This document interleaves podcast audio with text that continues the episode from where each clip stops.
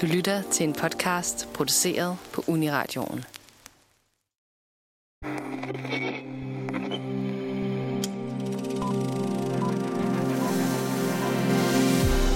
En gang for længe, længe siden var der et studie på Københavns Universitet kaldet Film- og Medievidenskab.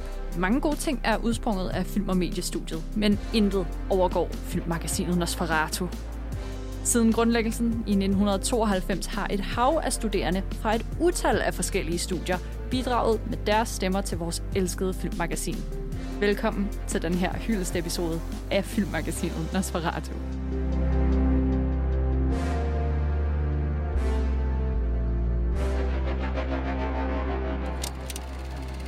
Ja, så er vi i gang, øh, Niels Otto Olsen og Jonas Ernst Monti. Tak, fordi I vil være med mig, Karoline Ballstrøm, i uh, Nosferatu i dag til den her særlige jubilæumsepisode af filmmagasinet Nosferatu, der fejrer 30 år. 30 år, det er lidt vildt. Altså, det, det er ældre end nogen af os er her i det her studie, så det er øh, godt og grundigt ret fucking vildt. Ja. Nosferatu blev grundlagt i 1992. Og hvor længe har I hver især været medlemmer af filmmagasinet Nosferatu? Jonas? Jeg har været medlem siden 2018, sommeren, tror jeg.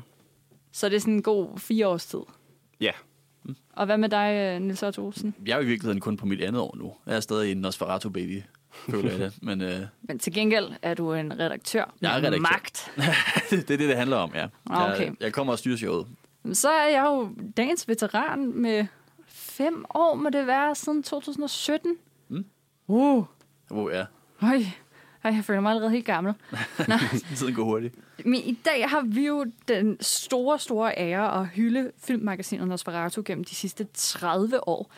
Og det har vi helt konkret valgt at gøre ved at dykke ned i oprindelsesåret. Altså The Inception af Nosferatu. Hvad må der gik igennem hovederne på øh, de kloge, kloge mennesker, der oprettede vores elskede filmmagasin? Hvilken tid levede de i? Hvorfor gjorde de det? Vi har så mange spørgsmål, som vi venter at få forklaret. Så jeg synes, vi skal dykke ned i det. Nils Otto Olsen og Jonas Ernst Monti. Jeg glæder mig til at komme på den her rejse med jer.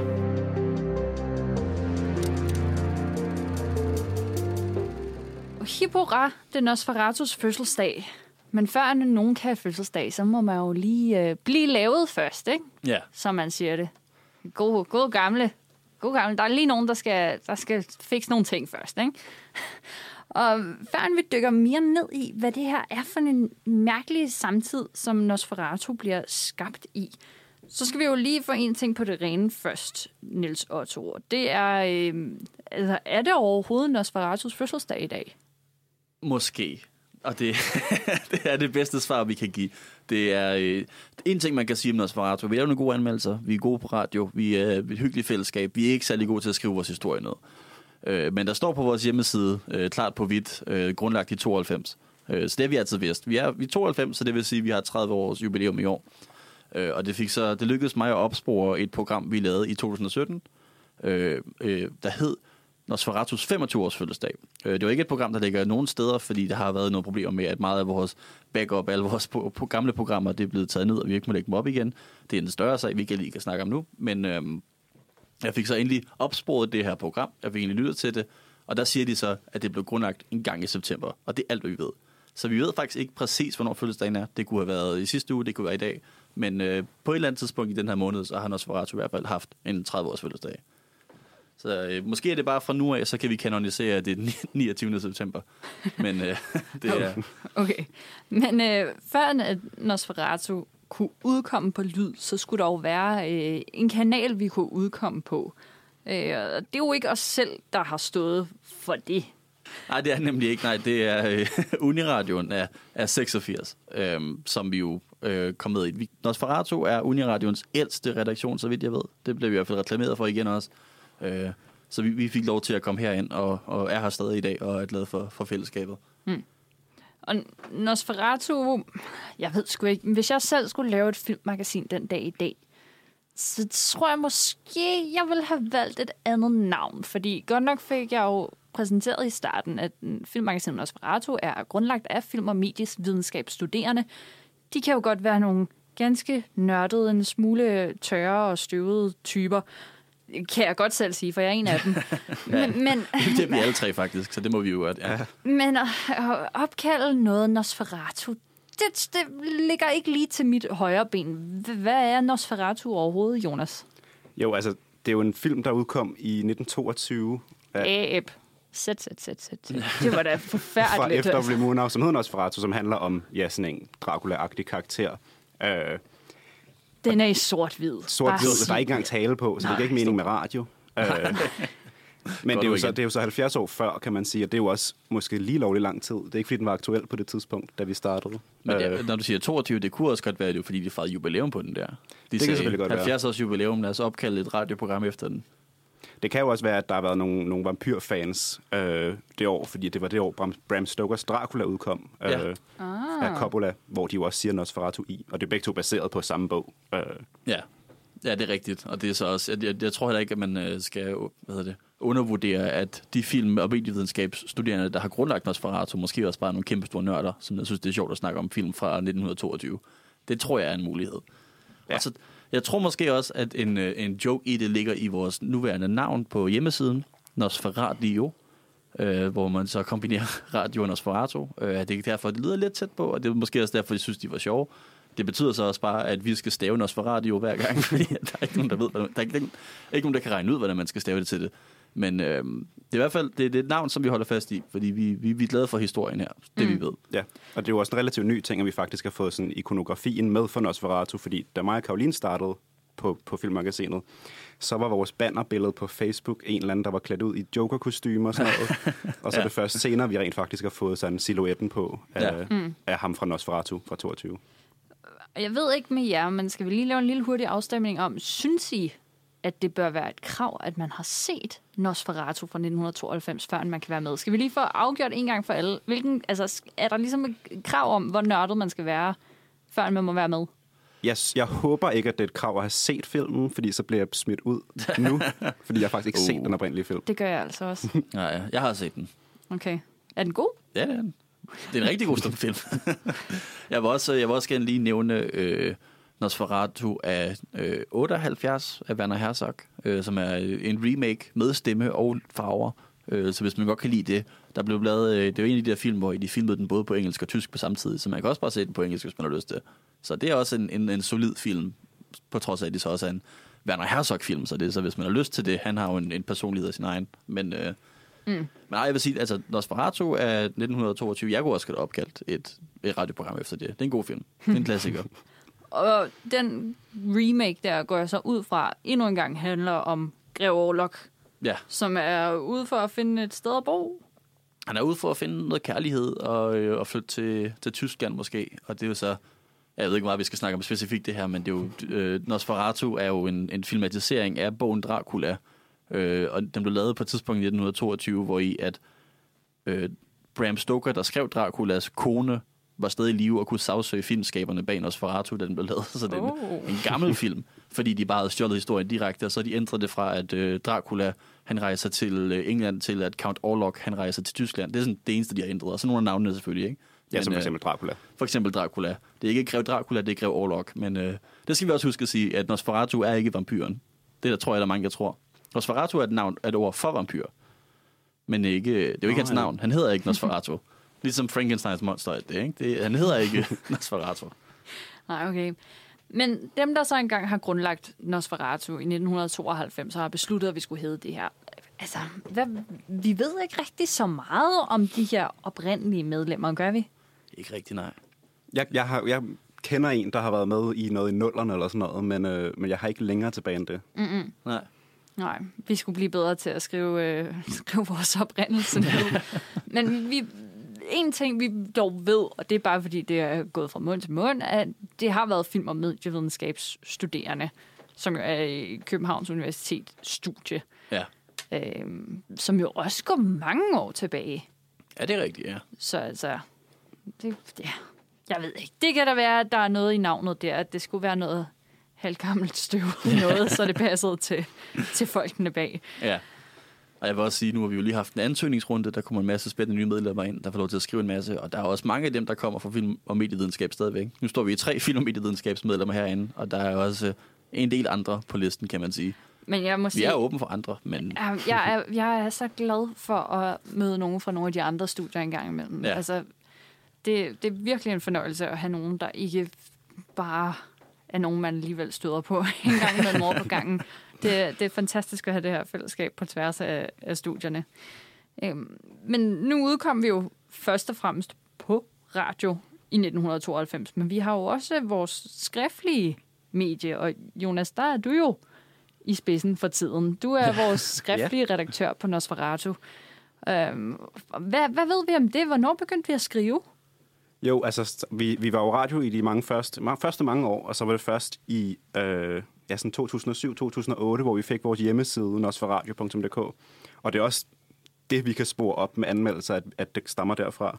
Vi har kunne finde i vores arkiver både en anmeldelse af American Gangster fra 2007, og så Hellboy 2 fra 2008.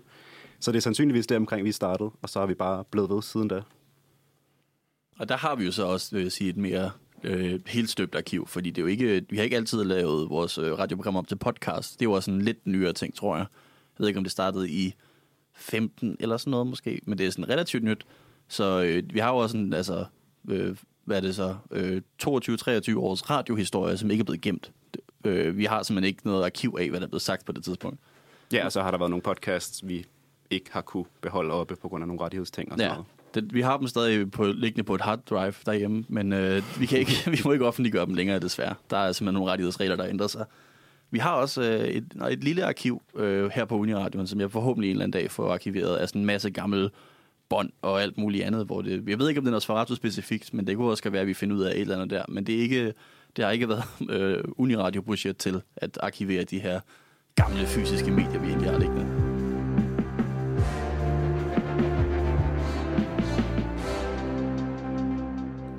Og nu, Jonas og Otto, hvor vi ikke rigtig ved, hvem der egentlig grundlagde Nosferatu.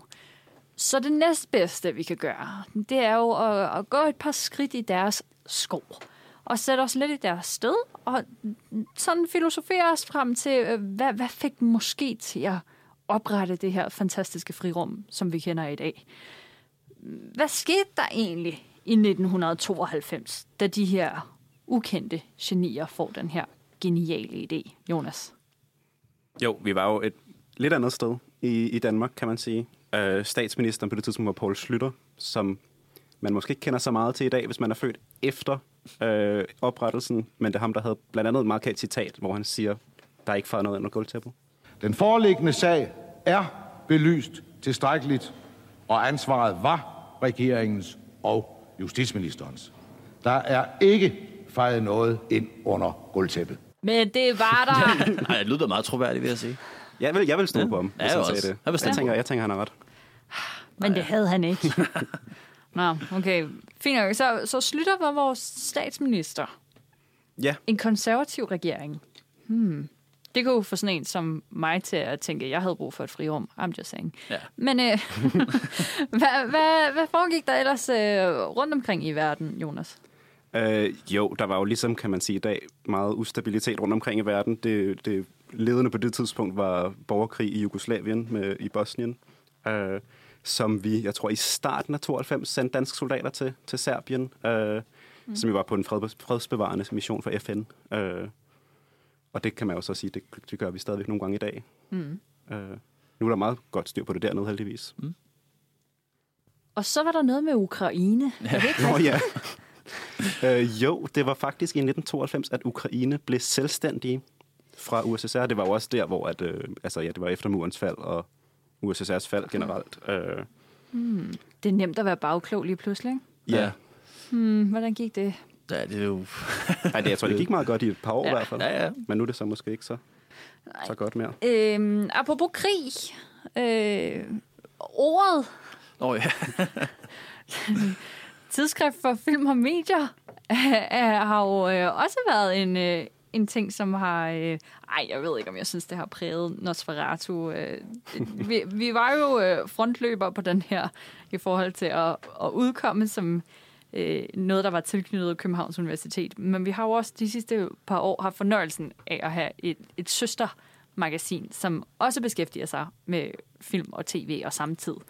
Øh, og ordet fejrer jo 50. 20. udgivelse i år. Det synes jeg altså godt lige... Øh, vi må lige lægge stridsøksen Ja. et, et øjeblik Ja. på hy- hylden, og så lige hylde, at ordet, som jo udgiver fysiske magasiner, har udgivet 50 af dem, og de udgiver sådan to-tre stykker om året, nogle gange lidt flere, nogle gange lidt færre, så ja, Vi, ved, det, ikke- vi ved ikke helt, hvor gamle de er, så det er... nej, Det er, det var, det er vigtigt at være understrege, at de er yngre end os i hvert fald. de er yngre end os. Vi kom først. Vi kom først, ja. Og Øh, bedst. En anden gang, Ja. hvor, øh, hvor Danmark som nation jo kom først, var også i 92. Oh ja. Der skete også et eller andet, øh, som jeg tror, vi øh, står her. Øh, tre personer, som ikke går voldsomt meget op i fodbold. Øh, men derfor kender man nok godt stadig året 92, som i det år, hvor I vi vandt. Øh, var, det, var det EM? Ja, var det, det var EM i fodbold. Vi ved ikke meget om fodbold her, apropos. Men øh, ja, vi vandt i EM. Jeg tror, det var noget med, at vi ikke engang skulle have været kvalificeret, men at det sådan netop var, jeg tror, vi var i Jugoslavien eller et eller andet, som der ikke kunne være med på grund af krig. Og så kom vi så ind ved et tilfælde, og så altså, mm. bankede vi bare hele vejen op. Og det er jo stadigvæk, altså, det er jo, det er jo den primære danske stolthed stadigvæk i dag. Vi har ikke rigtig haft andet siden. Det er bare sådan, den, den sidder vi på og, og hygger os med. Ja. Og hvad er det, man siger, når man er på vej til sejr i EM?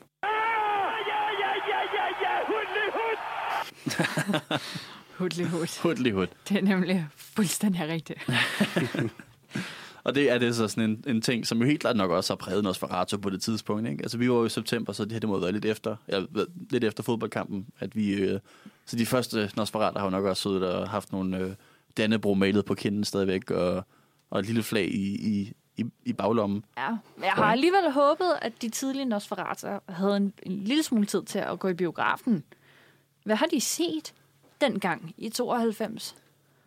Ja, det er et rigtig godt spørgsmål. Ikke noget dansk i hvert fald. Ikke noget dansk. ikke noget dansk. Okay, Det Otto. er, det er simpelthen, vi, øh, der, der er ikke kommet noget spændende dansk ud det år specifikt. Det eneste nævneværdige, tror jeg, er Krummerne 2. Krummerne 2, ja. Øh, som også er en af de bedste krummerne, vil jeg sige. Men øh, ej, jeg kan ikke huske krummerne film. Det er bare en blind statement. Øh, og så en lille film, der hedder Jesus vender tilbage, læste vi også lidt op om, som er en film, de forsøgte at producere i 70'erne, øh, hvor at det danske filminstitut havde givet en helvedes masse penge til en kontroversiel kunstner, om man skulle lave en film omkring Jesus, der bliver terrorist og gør alt muligt perverst. Ja, Jesus vender tilbage i nutiden eller sådan noget. Ja. Og Og, og så, øh, så var der kæmpe protest i hele Københavns gader, tror jeg, med 5.000 mennesker derude og sige, nej, det går ikke. Og så var der blas, blasfemilov og det ene og det andet, og det hele kom over. Og så gik der et par år, og så prøvede de igen, og så gav de dem et par millioner den her gang øh, til den samme kunstner, som så lavede den samme film i 90'erne i stedet for 70'erne, som ikke nødvendigvis er den film, man snakker meget om i dag, men det er i hvert fald en spændende historie omkring alt det kontroversielle i den. Men øh, ellers så er det danske filmscene, den er ikke helt blusset op endnu, vil jeg påstå. Øh, men, men på amerikanske film, der går det jo meget godt. Ja, det vil jeg nok sige. Ja, må, må jeg lægge ud med en, jeg er glad for, ikke? Mm. Altså, The Bodyguard. Oh, ja. Men, øh, altså, snak om udødelig kærlighed der, ikke? Det vil jeg sige, den, øh, den er jeg meget glad for. En anden film, der også har sang og musik, ikke? ja. Aladdin af Disney. Uh, ja. 1992. Der, nu er vi jo inde i Disneys renaissance. Disney, de havde haft nogle rigtig hårde år, ikke?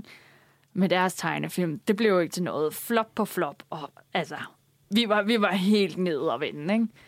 Og så lige pludselig, så begyndte Disney bare at lave et motherfucking comeback. og vi snakker Mulan, vi snakker Løvernes Konge, Aladdin, Skønhed, Udyret, Den Lille Havfru, alt sammen 90'erne. Renaissance, Hercules. Det bliver bare ikke bedre. Det er alle de film, de remaker nu. Ja, Ja. det er rigtigt. Og med god grund, med god er så sådan, fordi der, der, jeg æder mig med fat, i- noget. Hvis jeg skulle sige en lille øh, anbefaling til Disney fremover, hvad med, at de sådan remakede nogle af de der mindre kendte nogle? Altså, hvad hvis de gav Skatteøen en chance igen, Ah, og lige sådan fiksede den?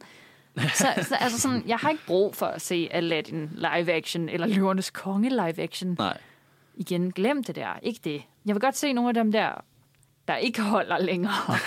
den lille havfru må de også gerne ligge for min skyld, fordi den, altså, Ja. du, du kommer bare ikke højere op end det. Hvad har vi ellers i 1992 af, af film, der kommer? Som, altså, er de gode af slagsen? Gode film fra 92. Hvad har vi? En af de største film internationalt øh, på det tidspunkt, rent, rent skær pengemæssigt, var Batman Returns, øh, som er den anden Michael Keaton-Tim Burton Batman-film. Øh, ikke min yndling som Batman-fan i studiet, vil jeg sige, men stadigvæk lidt spændende det her med, at vi bare apropos det her med, at vi remaker alle de her Disney-film, at vi dengang stadig havde kæmpe store superheltefilm, der, der øh, styrede biograferne på den måde, vi også lidt har i dag. Det her med, at der, der er mange ting, der ændrer sig, men der er også mange ting, der ikke rigtig har. Det, vi, var stadig, vi var stadig fan af Batman dengang. Ja, og man kan jo sige, at måske Danny DeVitos portrættering af pingvinen i den film var også måske lidt, lidt underlig med, hvordan han havde luffer og sådan noget, men, men, men der har ligesom ikke været nogen, der har turde lave en ny pingvinen indtil sidste år. Ja. Eller er det, nej, det er i år. med den nye The Batman, Ja, ny ja. øh, hvor Colin Farrell jo genskaber rollen, kan man sige. Ej, Meget det- anderledes end Danny DeVito. Men det er også bare, altså, her video er så perfekt castet i den rolle. At jeg næsten har lidt ondt over, at han ikke passer bedre til, hvordan han er i tegneserierne. Men det er så igen mit lille Batman-hjerte, der banker. Men han er, han er en, et perfekt cast i den, og han har også han har skrevet pingvin tegneserier siden, altså hvor han selv har skrevet Batman-tegneserier, centreret om karakteren. Så han er, sådan, han er trådt ind i rollen. En anden film fra 92, som øh, også er blevet øh, genudgivet, eller remaket her for nylig, er øh, Candyman. Oh, ja. En, øh, en rimelig, øh, rimelig cool øh, gyser, som, øh, ja, altså nu har vi allerede, nu har jeg allerede sagt det en gang, så nu har jeg kun to gange tilbage, før det går galt. Fordi hvis du siger titlen på den film for mange gange, Nå, ja. så går det ned. Det er en rigtig slasherfilm. Øh, og altså, originalen vil jeg, vil jeg endnu en gang sige, bedre end remaket. Surprise, Oh, ja. surprise. Var det ikke øh, Jordan Peele, der skrev den nye også? Han er ikke en i det? Jo, men han skulle have holdt sig til Get Out og os okay. Og være stoppet før Nope. Um, så udkom der uh, Basic Instincts, altså uh, iskoldt begær. Mm. Du ved, uh, altså, du ved, den der. den der, Ja, ja. hvor man... Uh, Der er en scene. der er en scene. Hvad hvad er det, der sker i scenen, Otto? uh, det synes jeg, du skal snakke om, Jonas. Tager du den? Jo, det, det kan jeg da godt. Det er Sharon Stone, der sidder i et forhørslokale med krydsede ben, Ja, øh, og så gør hun det lige pludselig ikke mere, ja, så, så er min ikke krydset længere. nej, det er rigtigt. kan man sige. Det er, det er jo faktisk en ganske forfærdelig historie, hvor at, at hun bagefter har været ude og fortælle, at hun var ikke med på, at, at kameraet det filmede så lavt nede Uf, ved, uf, hendes, ved hendes ikke længere krydsede ben, som, som de gjorde, og at hun fik vist mere, altså, end hun, hun var klar på. Og er Og, havde skrevet under på, at dybt forfærdeligt, men, men derfor er det stadig at se hende der med, med hendes lyse hår og den der hvide, ikoniske kjole, det er bare altså, et nedslagspunkt fra 1992, så kommer man ikke udenom hende. Øhm, og altså, man har jo også lært noget af eftertiden af, at sådan, det, der er med nogle ting, som du bare ikke skal fuck med, og folk skal være klar over, hvad de går ind til. Øhm, så jeg tror, at hun selv har været ude og konkludere, at sådan overall har det bragt, bragt mere godt med sig, end det har gjort skade, men synd for hende er det alligevel. Ja. Det har godt nok taget noget tid, kan man sige, før de der intimitetskoordinatorer og sådan noget er begyndt at være standard på sæt, fordi mm. det er først noget, der er sket inden for de sidste fem år eller sådan noget. Det kunne man jo godt have gjort for ja, 70 år siden i virkeligheden. Men, øh,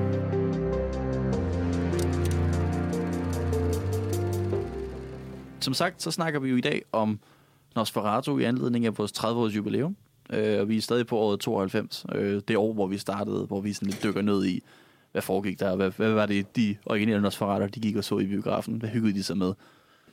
Øh, jeg ved ikke, om I har nogle nedslagspunkter, som I også lige vil nævne af vigtige film fra det år. jo, jeg tænker, der er de her to indflydelsesrige personer, som fik sådan lidt sin start i film, kan man sige, her i 92. Ja. Øh, den første, det er i Alene Hjemme, eller Home Alone 2, øh, hvor der er jo en scene med en vis Donald Trump, som Ja. ja. viser Kevin, hvor han skal finde lobbyen, tror jeg det er. Og jeg tror faktisk ovenkøbet, han peger den forkerte vej. Ja. Øh, og man kan jo sige, får for, der kom senere, han pegede den forkerte vej. Ja, øh, han har jo fået, kan man sige, noget magt siden da, øh, og heldigvis mistet det hele igen. Ja, han har ikke så solid en filmkarriere lige nu. Nej, det kan jo være, at han vender tilbage til det. Men Men, øh, ja. Jeg tror måske, han har været bedre skuespiller end præsident, i virkeligheden. Ja, Og ikke fordi jeg tror, han er særlig god skuespiller, men det er jo så, så det kan man jo snakke videre om. ja, ja. Øh, jo, og så den anden, og ikke fordi han er startet i 92, men øh, Tarantino udkom med sin Reservoir Dogs, som var sådan den første af hans helt egne film, kan man måske sige. Øh, Ja. Han havde lavet lidt her og der, men det var sådan lidt mere studieting og sådan noget. Øh, og Reservoir Dogs slog ligesom tonen an for hans filmografi, øh, med det her meget hypervoldelige, blodsprøjtende, Ja, øh, crime noir, ja. ja, sådan noget lidt, lidt genre-bending, lege med en masse. Der er også noget western allerede i, i Reservoir Dogs, som han jo begynder at lege rigtig meget med senere i Django Unchained og alt muligt. Han, han, han, man, man ser sådan hans personlighed dukke op her. Ja. Og det er jo også altså, lidt sjovt at, at sige sådan, okay, det var så, det, altså, den har vi jo nok anmeldt, eller det har vi nok snakket om, og i dag så er Tarantino, han er jo på vej ud. Altså, vi er, på de 30 år, så har vi simpelthen ramt hele hans karriere. Han siger, at han, øh, han har lavet ni film, han, øh, og den 10. bliver hans sidste. Så på 30 år, 10 film, så er han færdig. Og det har været simpelthen hele Nosferatus øh, årgang indtil videre. Det er Ja. også lidt sjovt. Så vi overlever simpelthen hans filmografi, kan man sige. vi er bedre end ham. Sådan er det. Det, er, det kan kun måles på tid. Men nej, det er lidt spændende, at han sådan bare kom på banen, og du ved, lidt sparket også lidt noget nyt blod, føler jeg, øh, ind i det. Og den, den attitude, den kækhed, han havde i den, den tror jeg også virkelig har været definerende for de, for de kommende år med Tarantino der. Andre spændende film. Der var i hvert fald øh, en Alien 3. Ikke den bedste Alien-film. Ja. Ikke den værste Alien-film. Og det er jo også, kan man sige, sådan en franchise, ligesom Batman. Nu ved jeg ikke, man kan kalde Tarantino en franchise, men en af de der ting, der er fortsat og stadig er kæmpe store i dag. Ja. Øh, der er måske lige lidt tid siden, der er kommet noget stort Alien, men, øh, men der har der været Prometheus og... Ja. Der er. Prometheus og Alien Covenant. Ja, det var den hed. Alien Covenant, den kan jeg huske, at den kom ud i 2017. Fordi at der var øh, mig og Karoline på højskole sammen, kan jeg huske. øh, også, jeg, vil, jeg vil sige, jeg kan egentlig også godt lide de nye Alien-film, der er fortsat. Øh, du, der kommer også mere nu. Øh, der kommer en tv-serie. Nu er det jo øh, Disney, der har købt 20th Century Fox, så det er ikke... Øh, nu er det Disney, der laver det. Jeg tror ikke, det bliver lige så grumt, lige så blodigt måske, men det kommer. Øh, der kommer en ny serie på et eller andet tidspunkt. Men det er Alien 3, det er jo også en, øh, hvad hedder det, der, der begynder man også lidt at se den her sådan tidlige CGI-udvikling. Der, der er også noget, nogle, nogle monstre, som ikke er lavet praktisk i den film, som jo også er lidt spændende for 92, at det, det, det begynder at rampe op her, vil jeg Ja. sige, med CGI. Jeg husker det ikke som om, at de er jo lavet helt så godt i den. Det ser sådan lidt... Nogle af, dem, nogle af scenerne er meget gode, men, men nogle af dem er sådan lidt stop-motion indsat på Ja. en lidt underlig måde. Ja, det er, det er det selv lidt kunstigt nogle gange. Men det er stadigvæk, det er sådan, det, jeg tror, det er her, hvor det begynder at kunne blive en lille smule realistisk. Ja, og det er også, kan jeg se, det er David Fincher, der instruerede den, som jo faktisk også øh, har revolutioneret, kan man sige, øh, CGI-teknologi på mange måder, med den måde, han Ja. bruger det på, på sådan en meget subtil måde, hvor man ikke altid ved, at det rent faktisk er CGI. Jeg tror, alt hans blod i film, øh, det bliver lagt ind bagefter, og det er jo ikke noget, man tænker over, når man ser dem. Nej, det er rigtigt. Det er også fordi, han netop også, han laver også tit film, der ikke er genrefilm. Så hvis du ser en actionfilm, hvor der bliver skudt tusind pistoler, og der er blod over det hele, så lægger man måske mærke til, at der er CGI-blod. Men når det er bare en film, hvor sådan tre mennesker, der snakker i et rum, og der så er noget CGI-blod, så tænker man ikke over det på samme måde. Men han startede jo også, så vidt jeg ved, på Star Wars som sådan special effects øh, supervisor eller et eller andet. Altså før han nogensinde instruerede film, så var han bare ham, der lavede special effects. Så han har sådan en kæmpe karriere i det. Det er virkelig det, han har dyrket. En anden måde, man også kan øh, sådan opsummere 1992 lidt på, er jo ved at kigge på året efters Oscar-uddeling. Oh, ja. For Oscars er jo ligesom øh, et stort samlingspunkt. Selvfølgelig er der altid nogle snobs, altså nogen, der bliver forbigået. Men hvis man skal kigge på vinderne for 92, som så altså bliver uddelt marts året efter, øh, så Unforgiven af Clint Eastwood er, er den helt store vinder, både til Clint Eastwood som instruktør, men også for bedste film. Øh, som altså handler om den her øh, gamle gunslinger, der er, egentlig er gået på pension, men så skal han lige tage et sidste job. Det kan man For- jo sige næsten bliver sådan selvbiografisk. Ja. Og den selv, som også lavede en masse westerns tidligere, og så skal han lige tilbage og lave en sidste En film, hvor han er en sidste. gammel mand. Men Ja. det, det føler jeg også lidt har været hele hans karriere siden, at bare de her film, hvor han er en gammel mand, der lige skal gøre en sidste ting, før han dør. Det er altid, ah, men jeg skal lige, lige tilbage og gøre en enkelt ting. Det er, det er med Gene Hackman og Morgan Freeman blandt andet. Øh, og så selvfølgelig Clinton selv, fordi han kan ikke lade være. Øh, og ja, altså, den, den, den var i hvert fald svær at undgå det år til Oscars. Og så øh, Emma Thompson, som, øh, du ved, hende pushover øh, fra Love Actually, som så ikke er en pushover længere, men som er gift med Alan Rickman, og som får ikke den halskæde, som Mr. Bean har pakket ind. Jeg bliver altid nødt til at gå, når den scene kommer, fordi Ej, Ej, den er for sørgelig. Jeg kan ikke klare at se den. Jeg elsker Love Actually, men, men den, der, der Ej. går jeg lige på toilettet. Det er simpelthen det er så lang tid, siden, jeg har set Los øh, Love Actually, så jeg, jeg mister helt konteksten af Mr. Beans halskæde. Hvad snakker om? okay, hjem og se den. Altså. Men, Er det ikke en øh, julefilm? Er det ikke lidt for tidligt? Jo, men Emma Thompson, hun vinder øh, for bedste kvindelige hovedrolle i Howard's End. Og så Al Pacino vinder for bedste mandlige hovedrolle i Center for Women. Um, og ja, altså... Derudover, så, så er hele 92, det er faktisk sådan lidt all over the place. Selvfølgelig er der Bram Stokers Dracula, som vi også har nævnt øh, i starten. Men altså, derudover, så vil jeg sige, det mest ikoniske fra, fra det år, det er Billy Crystal, min yndlings Oscar presenter, han får lov til at, at åbne hele showet. Og det var sådan faktisk pretty much bare det, fordi altså sådan, hvis vi bare kigger på året lige inden, ikke, så snakker vi Thelma Louise, Silence of the Lambs, altså sådan Anthony Hopkins vinder, Jodie Foster vinder, altså sådan George Lucas får sådan en særlig award og alt muligt. Så all in all, det kan godt være, at I prøver at tale 92 op, ikke? Men det er faktisk sådan, det er lidt et, et lavdøb inden for filmen. Og det kan måske også godt være, at det er derfor, at fortidens Nosferater har samlet sig og været sådan, vi må simpelthen lige, vi må lave en klub, og så må vi dele nogle tips med hinanden, fordi jeg er ked af det. Ja. Men det står altså en lille smule sløvt til Jonas og Otto.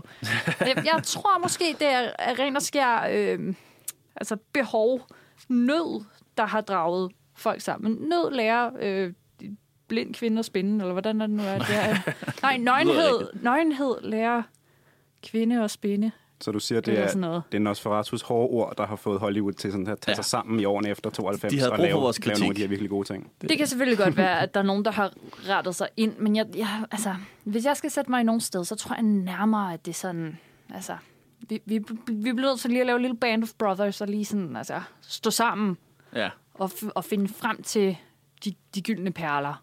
Og, og, og med fællesskabens styrke, altså, vente på bedre tider. Det, det tror jeg er, øh, er grunden til, at Nosferatu er blevet oprettet i sin tid. Ja, og vi, vi synes jo, det er meget sjovt, det der med, at vi snakker om faktisk mange af de samme ting, som vi ville gøre, hvis, hvis, hvis vi lavede et 2022-program, kan man sige. Ikke? Øh, Tarantino er aktuel, Superheld er aktuel, Alien-ting. Øh, Ja. Det er også sagtens ting, man kunne tale om øh, I ja, dag. nu, i dag. Ja, det er rigtigt. Der er sådan en, en, en, en sjov lille cyklus af, hvordan vi sådan, faktisk ikke har forandret sig så meget. Vi er jo måske også lidt i, hvad jeg kalder, bare på det her med, at det måske ikke er så spændende, hvad der udkom i 92. Jeg ved ikke, om, om 30 år vi kigger tilbage på år 2022 og siger, ej, hvor var det et spændende år.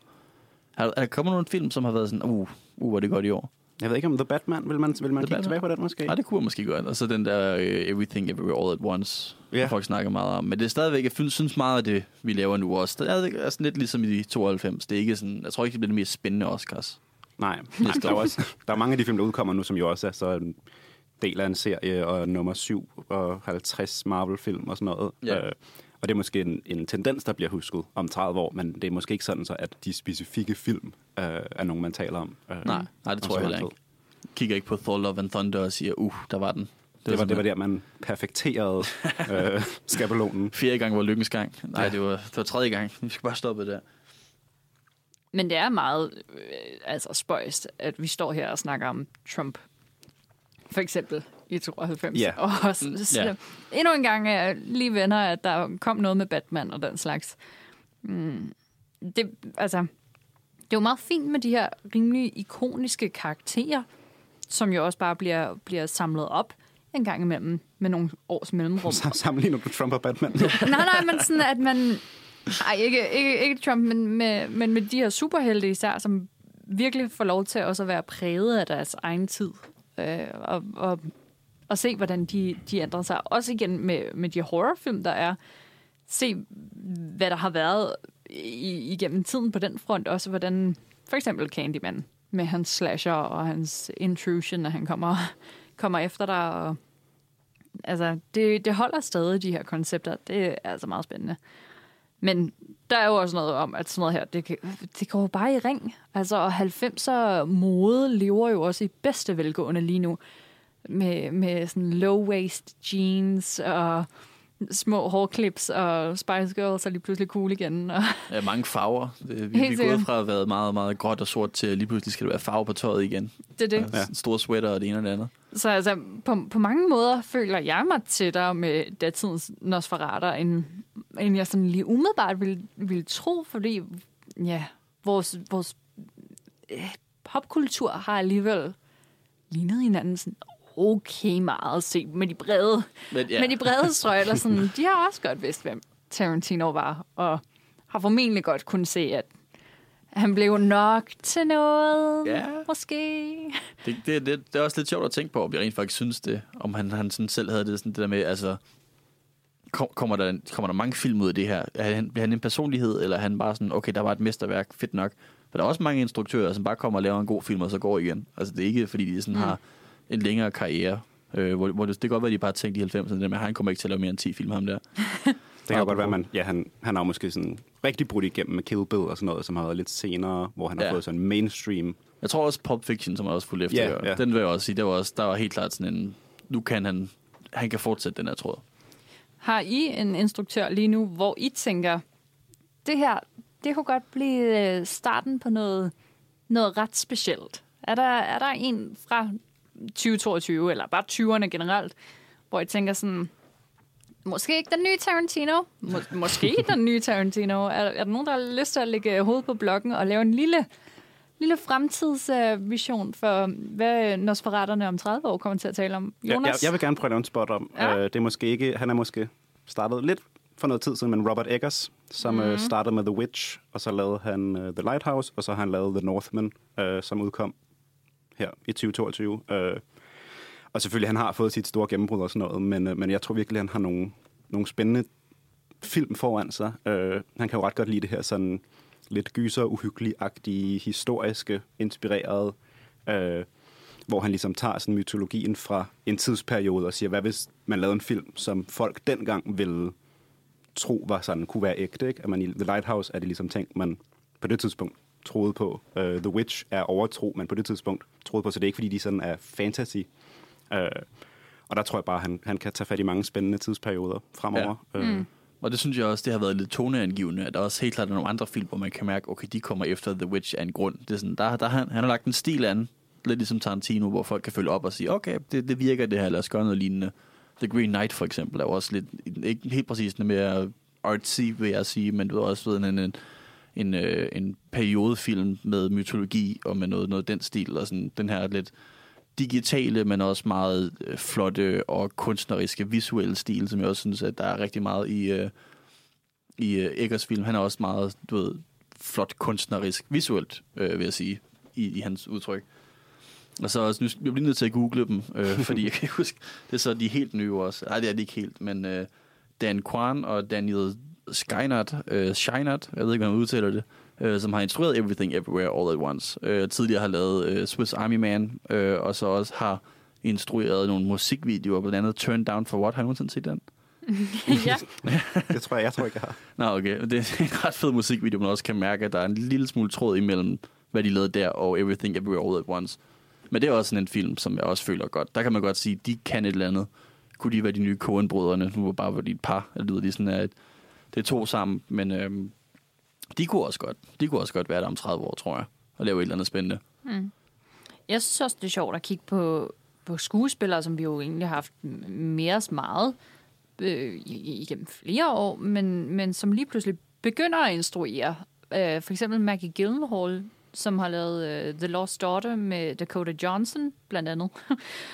Øh, den vil jeg sige, det kom med mig bag på mig, hvor godt jeg synes, den fungerede. Altså helt øh, klaustrofobisk, sådan... Øh, minder lidt om The White Lotus på HBO, på en måde. Øh, øh, handler bare om, om den her mm, familie, som er på ferie, men det hele bliver observeret af Olivia Colmans karakter. Og det er, det er bare... Altså, puha, jeg, jeg følte mig eddermame presset af den her mor-datter-fortælling på flere forskellige øh, planer. Det vil, det vil jeg virkelig sige. Maggie Gyllenhaal tog, tog mig virkelig på sengen der. Okay, det er lidt overraskende. Så, øh, det er sådan, Jeg synes, altså, hvad, hvad, hvad end hun kan fortsætte med, det, der er jeg i hvert fald øh, fuldt med, med på. Det synes jeg var virkelig en rystende film, faktisk. Du ser det meget godt. Jeg har ikke set det endnu, men Nej. øh, det lyder da spændende. Ja, det, den kan man godt undre sig selv. Øh, hvis vi skal blive lidt i det der scary noget, ikke? så Ari Aster, øh, Midsommar Hereditary, synes jeg også allerede har bevist sit værd. Den er måske også lidt snyd, ikke? Ja. Så har vi Ryan Coogler, øh, Black Panther, Creed-filmene. Tager helt klart og laver et andet take på ting, vi godt kender. Ja. Superheltefilmen, eller øh, boksefilmen, det er ikke bare Rocky længere. Den kan godt øh, bære en, en hel del andet, altså noget, noget faderfigursdrama der, og også, øh, jeg vil sige, øh, Creed 2 introducerede også en, øh, en døv skuespillerinde, eller hun, er, hun har problemer med sin, øh, med sin hørelse, og, og det var altså også rimelig, rimelig interessant at følge. Så, Ja. altså, Ryan Coogler vil jeg nok sætte mine penge på også. Hvis han kan komme ud af Marvel. Ah, det kan jeg ikke. Nej, Det er ok. Det er jo så lige det, det der med, at der også er mange instruktører, der sådan lidt bliver fanget i de her strukturer af franchises, vi har nu i dag. Og det er jo ikke, fordi de ikke kan lave noget godt inden for de strukturer. Men hvis Ryan Coogler, hans karriere er at lave Black Panther øh, 1, 2, 3, Nej. og så lave en Avengers-film måske, eller Nej, et spin-off, eller producere en masse af det, så er det også, ah, det er ikke så spændende igen. Det er Nej. også, de, de stjal jo med det samme Chloe Zhao, som havde lavet, jeg ved ikke, hvad den hedder. The øh, Eternals. ja. Nå, men hun lavede øh, Frances McDormand's øh, Nomadland, Nomadland, og ja, præcis. øh, The Rider også. Super flippet, sådan kind of dokumentar, men ikke rigtig. ja, Den var lige godt et spacet omgang. Den, den delte salen, da jeg var inde og se den. ja. Enten havde man den, eller også så... Altså, jeg var blæst bagover. Men det jo også spændende sådan noget, og det var også det der med, at så tage det, og så med det samme skubbe det ind i en studiestruktur. Det var måske ikke det samme problem, de havde i 90'erne, men det er lidt det, jeg føler, vi har nu. Så det er måske en ting, der har forandret sig. Ikke for det bedre, vil jeg sige. Ja, vi har helt klart haft de her kæmpe franchises, der er startet op, hvor man det, det er kæmpe maskiner, hvor man måske ikke som instruktør og skuespiller har de, de største, den største indflydelse. Øh, og det er man gået, ja, det, det er måske en ting, der startede lidt der i 90'erne og, og efter.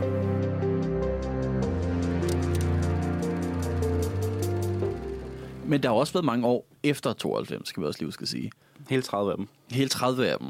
30 store gode år, øh, som jo Nosferatu har eksisteret i, og har brilleret med alle mulige øh, skarpe pointer og, og kloge ting. Og det betyder også, at vi som Nosferatu faktisk har overvåget rigtig meget. Det skal man sige, vi har, sådan, vi har oplevet kæmpe skift i filmindustrien og teknologien og udviklingen, som er lidt fascinerende at kigge tilbage på. Det der med, altså, hvad, hvad vi egentlig har fået lov til at kunne, kunne snakke om. Øh, og jeg ved ikke, om, altså, om der er nogle, nogle ting, vi også skal slå ned i her, netop med, ikke bare i 92, men altså allerede året efter måske, øh, med Jurassic Park i øh, 1993, øh, hvor I, man jo så et kæmpe spring i, i teknologien med, med CGI. Og jeg tror for mange er det den, hvor man sådan peger på den og siger, okay, det var den første film, der var fotorealistisk. Det er den måske ikke i dag, men det, det sagde man i hvert fald i 93. Og det er jo i sig selv lidt spændende, synes jeg, det her med, at det er sådan, CGI havde eksisteret før det, men at den teknologiske udvikling gik helt amok lige efter Nosferatu startede. Måske ikke et tilfælde, måske var det også, det ved jeg ikke. Men, øh, men det synes jeg i hvert fald er ret sjovt. Hvad synes I?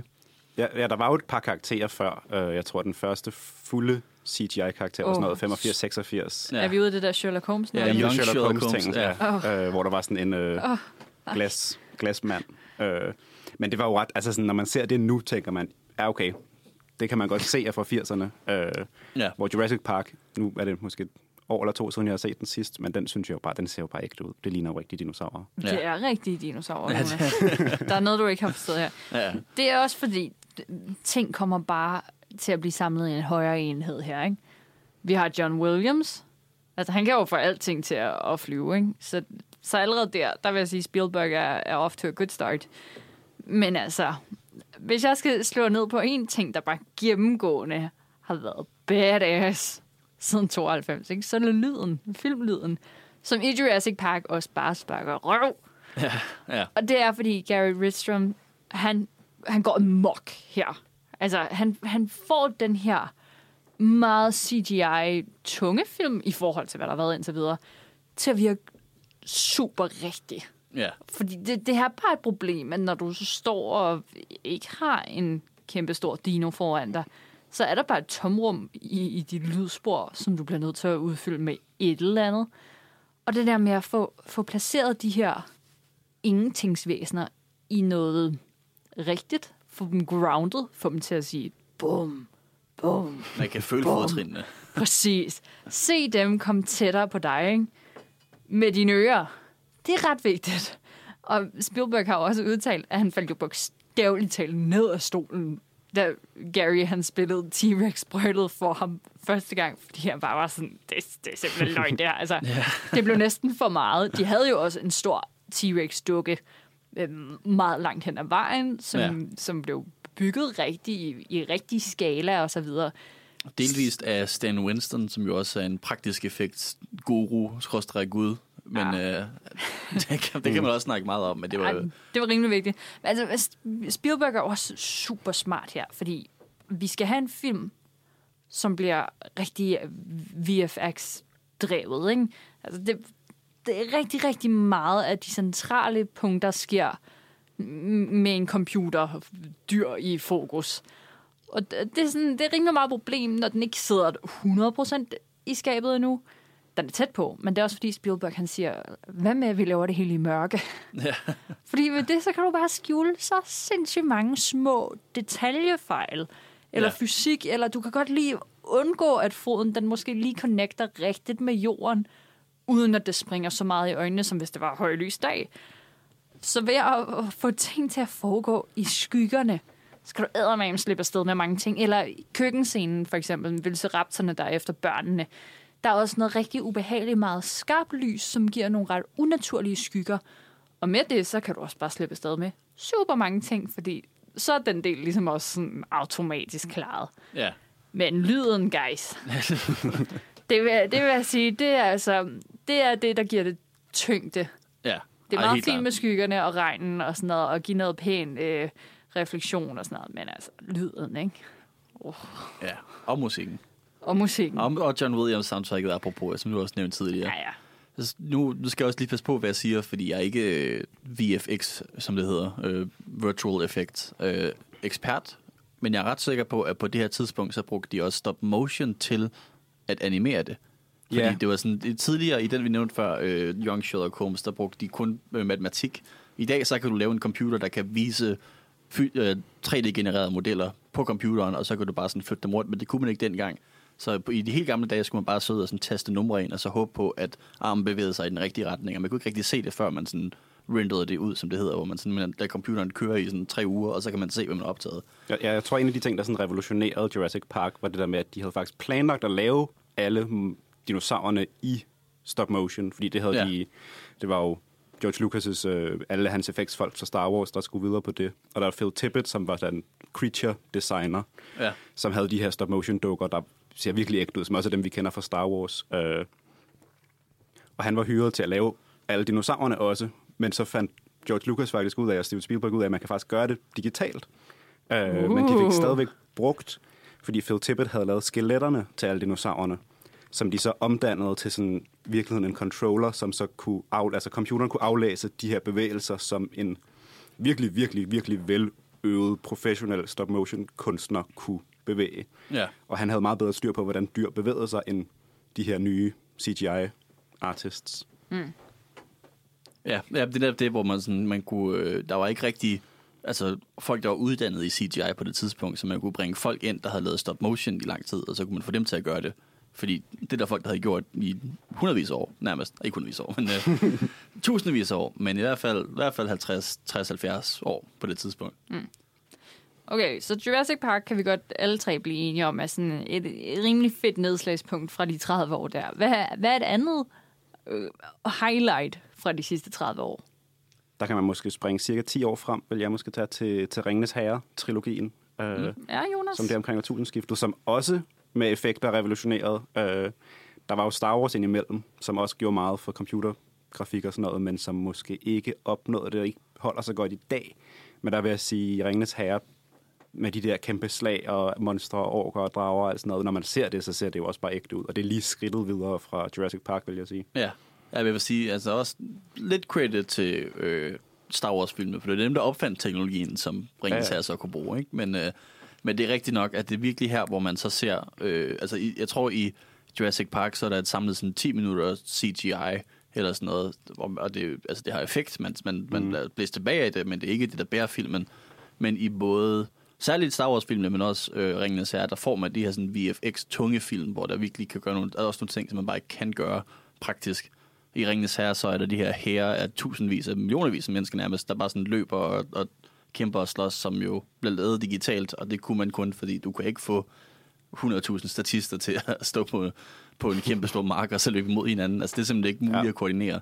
Så det er også det der med, at teknologien springer så videre, og så kan man simpelthen gøre nogle ting, man ikke kunne før, på en ret imponerende måde. Og det er jo også en tendens, man har virkelig set videreført i, i nutiden, ikke? at vi har de her film, der faktisk stort set udelukkende laves på blue screen eller green screen, og skuespillerne ikke engang nødvendigvis er på de samme scener rundt omkring i verden og sådan noget. Ja. Øh, det er så de som... senere Ringens Herre-film på bilen, ikke? Ja.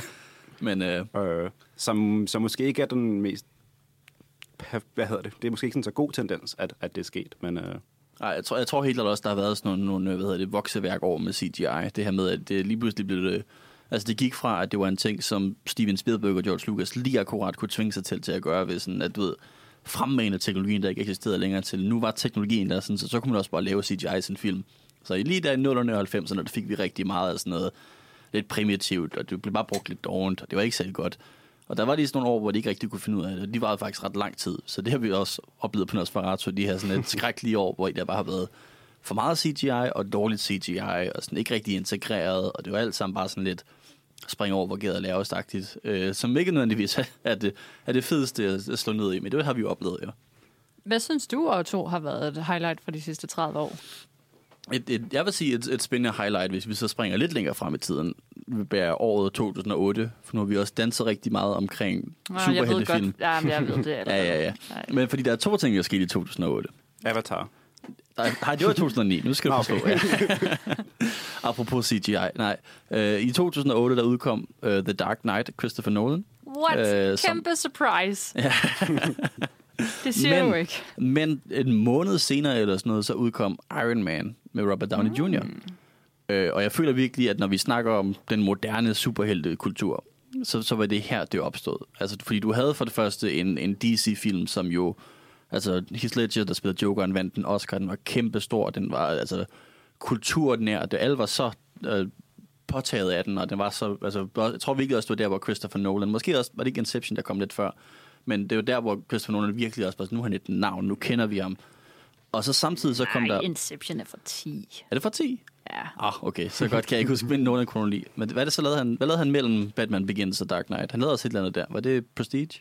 Ja, det kan godt være Prestige. Er der ikke fra 7 eller 6 eller sådan noget? Og det skal nok passe. Jo, ja. ja. Okay, men fordi han, han, han havde nemlig det der med, at han lavede en, en Batman-film, og så en film imellem, og så en Batman-film, og så en film imellem. Mm. Men, øhm, men ja, hvor Christopher Nolan blev kæmpe stor, men så turde øh, Kevin Feige og det nye opladede øh, Marvel Studios Production Company lige også at satse på Robert Downey Jr., som på det tidspunkt primært var kendt fra at have taget en masse stoffer og sådan, haft problemer med politiet, og sige, okay, nu laver vi en film om sådan lidt en B-list superhelt, som ikke rigtig går op i, det hedder Iron Man. Og vi ved ikke rigtigt, om det bliver et hit, men vi laver det. Og på det tidspunkt, så var der en kæmpe writer's strike i Hollywood, så det vil sige, at de teknisk set ikke havde et manuskript, så de skulle bare improvisere dialogen hver dag, de kom på sættet, og der var sådan, ham der var hyret forfatter, han kom så også ind som et eller andet sådan consultant, så han kunne stå og sige, okay Robert Downey Jr., du skal bare sige det her i den her scene, for det var ikke skrevet ned og den tjente voldsomt mange penge. Og det er jo så også der, hvor at, altså, man giver credit til Disney for, hvad de har gjort med The MCU, men, MC, men de købte jo, hvad der virkede, fordi det her det var sådan et fuldkommen u- uventet mega hit med en kombination af ting, som man aldrig kunne forvente. Det er sådan en mærkelig superheldig karakter, folk ikke rigtig kan lide, og Robert Downey Jr., som er karismatisk, men ikke nødvendigvis den bedste skuespiller, og så, du ved, et, en komediestruktur med noget lidt, lidt action i, som der øh, også ikke rigtig havde været prøvet af før. Og det virkede så godt, så Disney købte det og har bare pumpet det ud siden. Så det er jo sådan, at øh, jeg føler, at 2008 kan man også sige har været ret definerende. Og det er jo så igen, bare på Nosferatu, det har vi jo så også overvejet hele vejen igennem. Vi har simpelthen kunnet se superhelteudviklingen fra de sidste ja, 15 år, som jo så betyder rigtig meget. Og faktisk også Robert Downey Jr.'s karriere, kan man sige, fordi at, øh, nu tjekkede jeg lige, i 92 udkom Chaplin, Nå, ja. filmen, som Robert Downey Jr. spiller med i, som jeg tror var før hans øh, stof derut. Ja, det var før han gik helt. øh, så der var han måske på toppen før, kan man sige, og så røg han helt ned, og så ja. kom han tilbage igen, mens vi har rapporteret på det måske. Og ja, et par kort år, så var han jo den mest velbetalte skuespiller nogensinde. Det var så før, at hans karakter ikke længere var en del af, af Marvel-filmene, men du ved, dengang så tjente han sig rigtig, rigtig mange penge. Mm. Og jeg- før The Rock Johnson opgav sin wrestling øh, Ja. og overtog verden. okay. Men ja, det er lidt... Øh, det synes jeg er lidt spændende at kigge på. Det her med den superhelteudvikling, vi har fået lov til at overvære.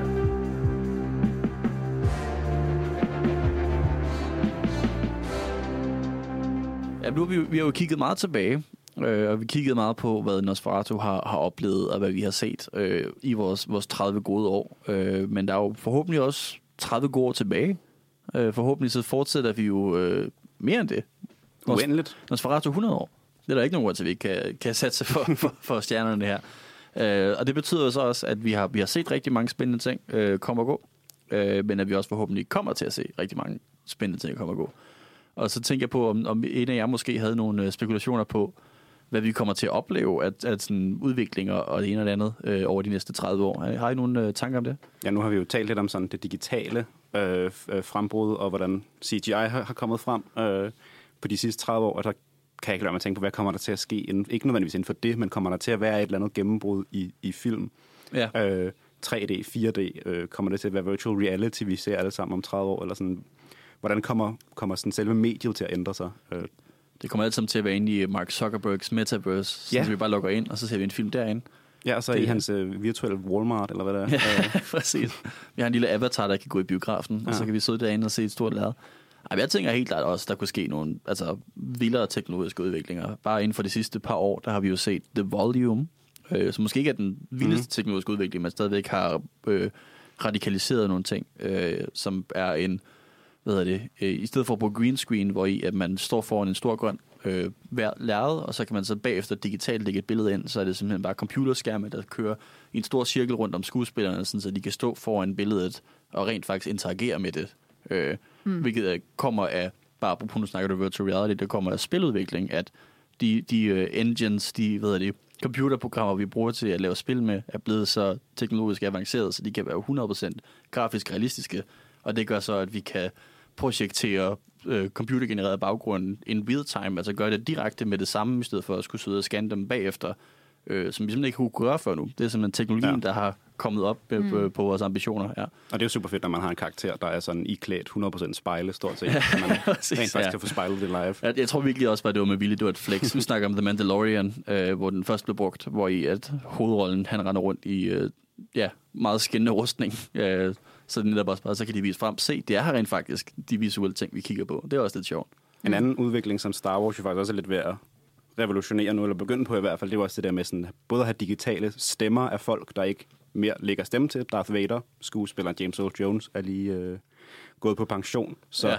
nu I er en det, alder af 91, så jeg vil sige, det er fair. helt fair. Det er helt fair. Øh, Men ja, han har jo overgivet sine rettigheder, som du er inde på der, Jonas, med at han har, han har sagt, at man til eftertiden godt må bruge hans øh, stemme til, til potentielt nye karakterer, eller, eller øh, andre versioner af Darth Vader, som han jo har lagt stemme til gennem tiden. Altså, som, men, men ligesom man også gjorde med den unge Luke Skywalker, øh, at der, der tog man jo også Mark Hamills gamle stemme og lavede den ny igen.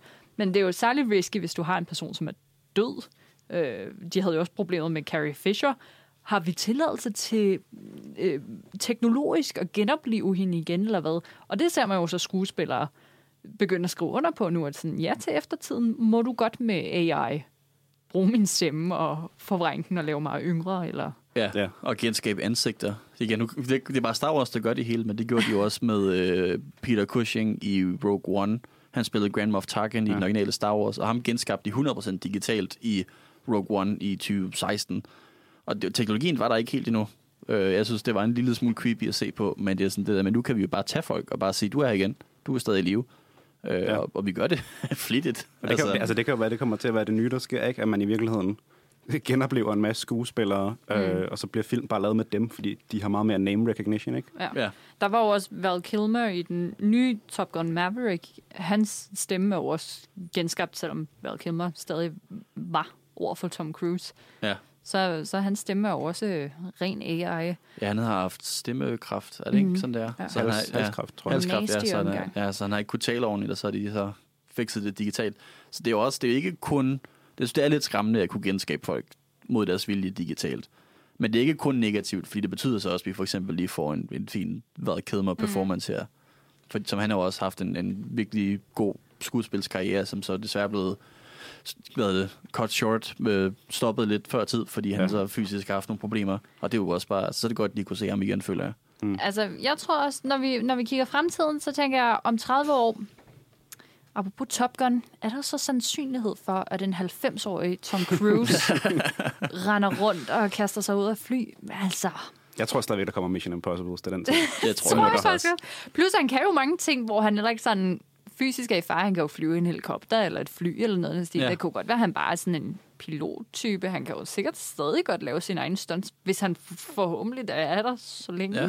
Det kan være sådan en Charlie's Angels-agtig ting, hvor han bare sådan en stemme i en radio. Der, øh, Nej, de tager hans hjerne og sætter det ind i en ny krop. De finder et offer, og så øh, lokker de ham ind der, sådan, så han kan fortsætte fysisk. altså i virkeligheden eller i I, filmen? I virkeligheden. Ah, ja. Der, ja det, det, hvis, der er nogen, hvis de skal gøre det på nogen, så er det Tom Cruise. Han har øh, midlerne til det. Ja. Simpelthen at, at øh, hjernetransplantation transplantation ind i en, øh, en yngre krop. Men er han ikke også bare udødelig egentlig, så længe han bliver ved med at betale til Scientology? Er der ikke noget om, han bare kan altså ligesom sådan transcendere på en eller anden måde? Og hvis han kommer op på det rigtige plan, tror jeg, øh, så kan han blive udødelig og Tror vi, han er det? sende sin krop ind og sin, sende sin hjerne ind andre steder. Er det, er det, er det nu, eller er det også om 30 år? Jeg tror, han har betalt nok til det i hvert fald Okay, ja. efterhånden. Det vil vi da håbe. Men det, det- det er så lidt, hvad øh, fremtidens Nosferatu forhåbentlig har at se frem til. Øh, Tror vi hvis- stadig, de ser superheltefilm også? Ja, det tror jeg, de gør. Fortsætter det i 30 år? Jamen, det, altså, der må nok være kommet en reboot eller to ind imellem. Ikke? Jeg tror ikke, det er Ja. det samme MCU, som vi sidder og ser. Nej, Øh, det er nok rigtigt. Hvis øh, I skal kigge lidt bagud, Jonas og Otto, på hvad I bare har oplevet de sidste par år i selskab med Nosferatu, er der så noget særligt, der, der stikker ud for jer, som I er taknemmelige for? Nu nærmer vi jo os jo med hastige skridt øh, Thanksgiving og julen, så der, er ja. der noget, I lige vil øh, lette hjertet lidt mere, og, og, og lige sådan en lille shout-out ud til Nosferatu? Jo, Jonas? altså, jeg har jo været her i ja, fire, fire år nu, øh, og det er faktisk først radioprogram, jeg laver nu, men jeg har skrevet en masse anmeldelser skriftligt, og jeg synes, det har været et super fedt fællesskab. Vi, vi mødes og giver respons på anmeldelser, og man, man lærer virkelig noget. Jeg har virkelig bevæget mig langt, tror jeg, og er blevet meget, meget, meget bedre til at skrive. Øh, og ja, fået nogle venner, fået et fedt fællesskab. Ja. Altså, man kan jo sige, at du er professionel anmelder nu, så et Ja. eller andet er der jo kommet ud af det.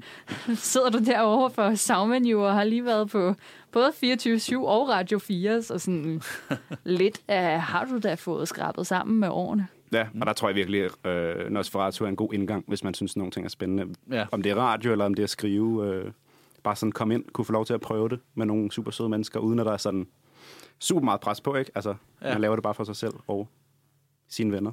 Det er næsten synd, at vores øh, ansøgningsrunde lige er overstået, for du sælger det meget godt. det er sådan, øh, man kan ikke ansøge lige nu, men øh, en gang til, til det næste semester, til, til det nye år, der, der ansøger vi igen. Øh, men jeg, jeg tror også, jeg siger noget af det samme. Altså, det har virkelig været et, et fantastisk fællesskab af, af gode mennesker, øh, og, og ved, god hygge, sidde og drikke en øl, snakke en film, og så også få lavet noget, noget godt arbejde, altså få viderearbejdet sine skriftlige evner. Øh, Jeg har ikke lavet så meget skriftligt, som du har, men jeg har også lavet lidt mere radio. Jeg er også radioredaktør nu. Du er også skriftlig redaktør, skal jeg måske lige sige. Øhm, ja. så, så det passer jo måske meget godt, men det har jo også været altså, virkelig fedt at komme ind i et fællesskab, hvor man, man kan give rigtig meget, men også få noget tilbage, og sådan virkelig kan, kan hjælpe hinanden og, og komme videre, og så ja, altså alle de spændende karrieremuligheder, der også åbner sig op for alle, altså man hører, hvor, hvor folk kommer hen, og det ene og det andet. Så det er jo også bare, det, det er, det er rart. Jeg vil gerne være 30 år endnu. Det, ja. Ja. det, det kan være, at, øh, at 60 års jubilæum, så, så er det mig, der kommer ind igen og siger, ja, det var nogle, nogle dårlige 30 år, men øh, Ja. Ej, jeg tænker, jeg prøver også at give plads til, at der kommer nogle nye medlemmer på et tidspunkt. Det men kan selvfølgelig også sådan en øh, 60-års klub. ja, nej, det er rigtigt. Hvad med dig, Karoline? Altså, nu lyder det jo totalt kliché at blive ved med at trampe rundt i det der fantastiske fællesskab, I hævder. Ej, den synes jeg er god nok. Øh, jeg har også fået en kæreste ud af det, så, Ja, ja, det så sådan helt spild af tid har det nok ikke været. Øh, det, det har været nogle, øh, nogle ret heldige år, at lige sådan møde the one øh, på, et, på et radiohold. Jeg er ked af, at det ikke bliver en af jer to i dag. Nu ved jeg godt, vi er også et radiohold, men altså, sorry, I'm taken. så så den, den synes jeg, den, det, det var faktisk ret sindssygt. At Ja. starte på studie, og så øh, møde nogen, der ikke var fra ens årgang. Og, og lige få connectet med dem. Øh, så synes jeg, altså, Nosferatu, jeg har været, jeg har været i udlandet med Nosferatu. Øh, et par gange efterhånden, altså på, på Berlinalen blandt andet. Øh, får lov til at se filmverdenen i andre lande, har været for vild, altså et kæmpe privilegie. Øh, og, og filmfestivalen i Gent i Belgien, hvor de har Soundtrack Awards, oh, ja. det har nok bare været, altså, det, det er nok noget af det største, jeg, jeg overhovedet er kommet i nærheden af, fordi det er bare, det er for vildt, og nu er det blevet mit happy place. Ja. Så øh, altså, listen af ting, jeg er taknemmelig for over for Nosferatu, den er, den er næsten uendelig. Og jeg er bare så glad på andres vegne over, at de forhåbentlig de næste 30 år også kan få lov til at få fornøjelse af det. Jeg synes, det er, er fantastisk, at det kan få lov til bare at fortsætte derudad i det uendelige univers. ja. Nej, det, det, det varmer hjertet i de kolde septembertider. Det er rigtigt. Altså, men er der så meget andet at, at sige end uh, længe levende Nosferatu og Mm. Gud bevare Nosferatu? Hip hip hurra. Hip, hip, hurra. Tillykke med fødselsdagen. Det har været en fornøjelse, Nils Otto Olsen og Jonas Ernst Monti, at have jer med til den her uh, hyldest-episode Mm. af filmmagasinet Nosferatu. Hudlig hud. 30 år. Ja, hudlig hud, det må man nok sige. Altså, 30 år mere, det, øh, det, det, skal, det tager sig selv. Ja, det gør vi hurtigt. ja, skal vi lige runde af og sige øh, ja, tak for i dag. Øh, det har været rigtig hyggeligt i studiet. Øh, vi laver radio hver torsdag øh, 15-17, så man måske lytter live til lige nu. Ellers så bliver vi også udgivet på podcast, både Spotify, iTunes og andre steder, hvor man finder podcast. Vi har en hjemmeside, der forløbig hedder nosferadio.dk, N-O-S-F-E E, e- oh, sorry. N-O-S-F-E-R-A-D-I-O.dk, øh, hvor man kan komme ind og læse alle mulige skriftlige anmeldelser af de nye film, der bliver udgivet. Øh, det vil vi rigtig gerne have, I gør, også fordi vi er meget stolte af os selv, som I måske skal høre. Vi er glade for vores lille øh, skriftlige fællesskab her. Øh, og så kan man ellers bare følge med i de, de ballader, vi laver de næste 30 år. Det, det skal nok blive godt. Vi skal nok få lavet en masse godt, og vi vil rigtig gerne have, have alle jer med, både, øh, både som lyttere og læsere, og måske også, hvis I ansøger på et tidspunkt, som medlemmer. Så øh, tusind tak for i dag, og tak fordi I lyttede med derhjemme.